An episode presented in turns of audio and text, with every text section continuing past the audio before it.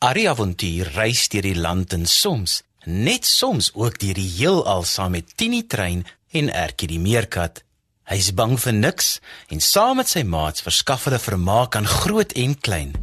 Klim op maats, die storietrein gaan vertrek. Tini is 'n stoomtrein op sy eysterspoor. Arrie is sy passasier, hy soek avontuur. Die Bybel is hul kompas, dit hou hul op die spoor. Van alles wat met jou gebeur, kan jy by hulle hoor. Ertjie is 'n maatjie, 'n meerkat van die veld. Karosie is 'n stoute aap, hy doen gewone kwaad. Ertjie en Karosie en Arrie ook daarbey. Is almal net so spesiaal, so spesiaal soos jy.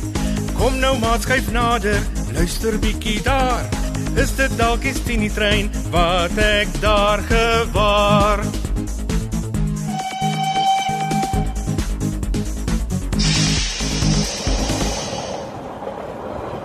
Waarheen ry ons nou, Arrie? Julle is al lank van die huis af weg. Dis tyd dat julle weer so 'n bietjie besig is met julle gewone dag-tot-dag dinge en aandag gee aan julle familielede. So, ons is op pad terug na julle blyplek toe. Maar Arrie, jy kan ons mos net terug laat gaan in tyd tot die dag wat ons begin reis het saam met julle. Dan sal niemand weet dat ons weg was nie en ons sal niks misgeloop het nie. Ja, dit is so ertjie. En dit is ook wat ons gaan doen. Maar dit is nie om te keer dat hulle weet julle was weg nie. As mense baie besig raak met baie ander avonture, kan 'n mens maklik vergeet van die gewone dinge in mense lewe. En die ander mense of diere in mense lewe wat belangrik is. Die dinge wat mens moet leer en ervaar, verander mens so klein bietjie op 'n slag. Miskien kom hulle nie agter dat jy weg was nie. Maar elke keer as jy weggaan saam met ons, kom jy 'n klein bietjie anders, ouer en wyser terug as wat jy was. En dit is iets wat mense agterkom. Verander ons dan op 'n slegte manier, Arrie? Nee nee nee, ek dink julle is besig om op 'n goeie manier te verander, want julle leer goeie dinge. Soms is dit net moeilik verander om ons as ons skielik baie verander en hulle dit nie kan verstaan nie. Julle het nodig om hulle so 'n bietjie gewoon te maak aan julle soos julle nou is voor ons weer op ons volgende reis gaan. Hmm, ek dink ek verstaan. Dis soos as ek skielik terug is en toe hulle my 'n minuut terug gesien het, het ek meer kataal gepraat. En 'n minuut later sien hulle my weer en ek praat skielik net op die taal. Ha, hulle sal dink iets is fout met my. Net so meerkat. En dis wat met die arme mense gebeur wat skielik al die tale kon praat en verstaan nadat die Heilige Gees in hulle gekom het. Het iemand gedink daar's fout met hulle? Hmm, net so. Die nuus dat mense skielik mekaar kon verstaan het gou versprei en nog mense het gekom na die plek waar die Heilige Gees in die mense gekom het. Ooh, baie van die mense was besoekers van ander lande en hulle was baie verbaas om te hoor hoe disippels in hulle tale praat. Hulle kon nie verstaan hoe dit kon moontlik wees nie. Maar was hulle nie bly nie? Nee, ek seker baie van hulle was bly, al het hulle dit nie verstaan nie. Maar baie maal wanneer mense iets nie ten volle verstaan nie, maak dit hulle bietjie bang. En dan probeer hulle dit wegpraat of 'n onsekerheid daarin wegsteek deur daarmee te spot of 'n einde daaraan te probeer maak. So was daar dan ook van die mense wat gespot het en gesê die disippels is seker maar net dronk. maar het mos nie 'n klomp maroulas geëet nie. nee, nee, hulle het nie.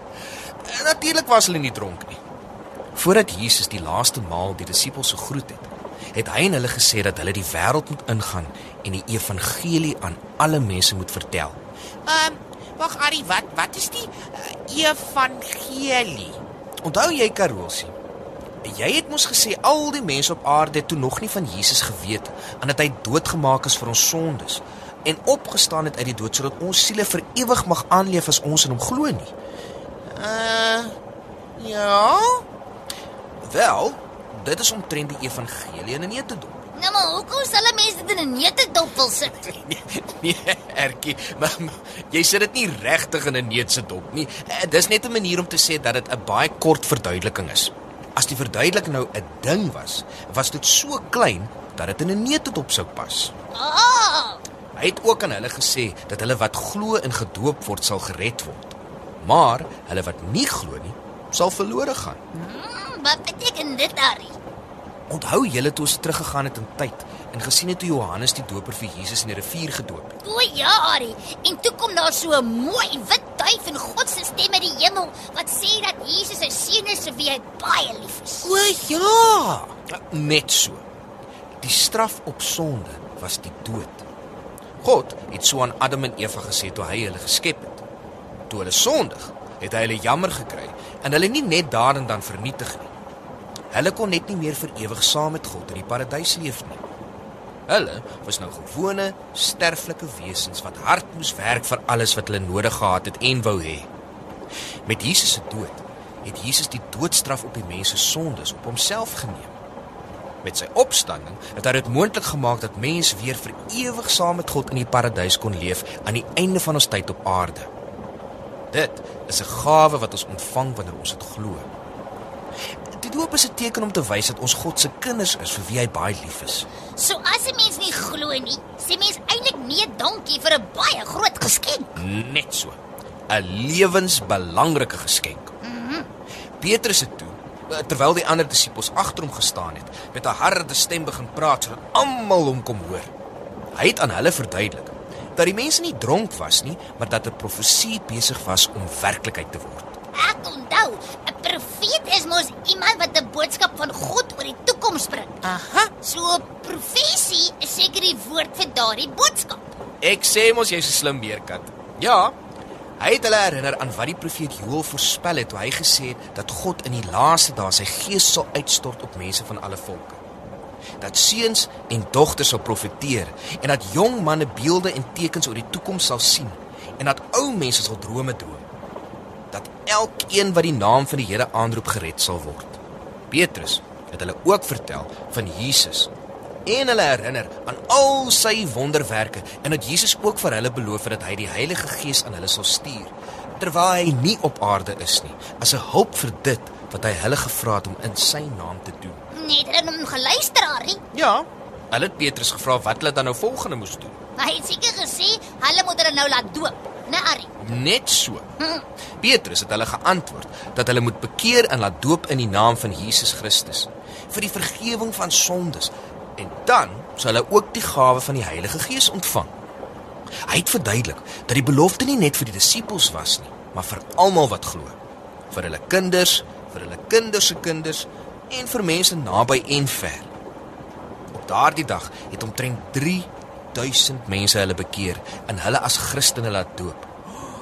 Maar hulle het niks anders van Jesus geweet nie behalwe dit nie. Die disippels het baie meer dinge as hulle geweet.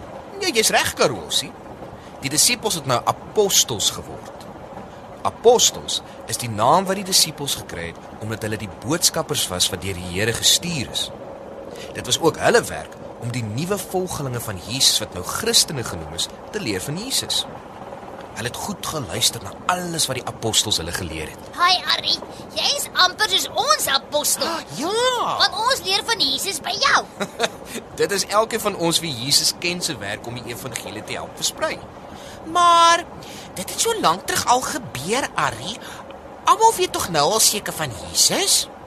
Jy sal verbaas wees, Karolsie, maar dit is nie so nie.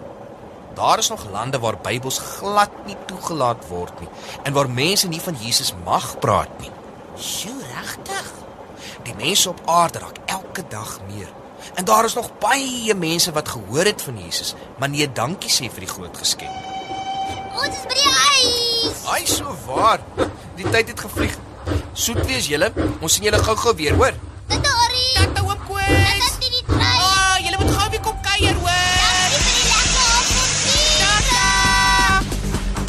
Is 'n stoomtrein op sy eysterspoor. Arrie is sy passasier, hy soek avontuur. Die Bybel is sy kompas, dit hou hul op die spoor. Van alles wat met jou gebeur, kan jy by hulle hoor. Erkie is 'n maatjie, 'n meerkat van die veld. Karosie is 'n stoute aap, hy doen gewone kwaad. Erkie en Karosie en Arrie ook daarby is almal net so spesiaal, so spesiaal soos jy. Kom nou maat skuif nader, luister bietjie daar. Is dit dalk die Tini trein wat ek daar gewaar? Die avonture van Arrie en Erkie is geskryf deur Elsie Stander. Dit word opgevoer onder spelleiding van Lazelle de Bruin, tegnies versorg deur Neil Roo en vervaar deur Wordwise Media.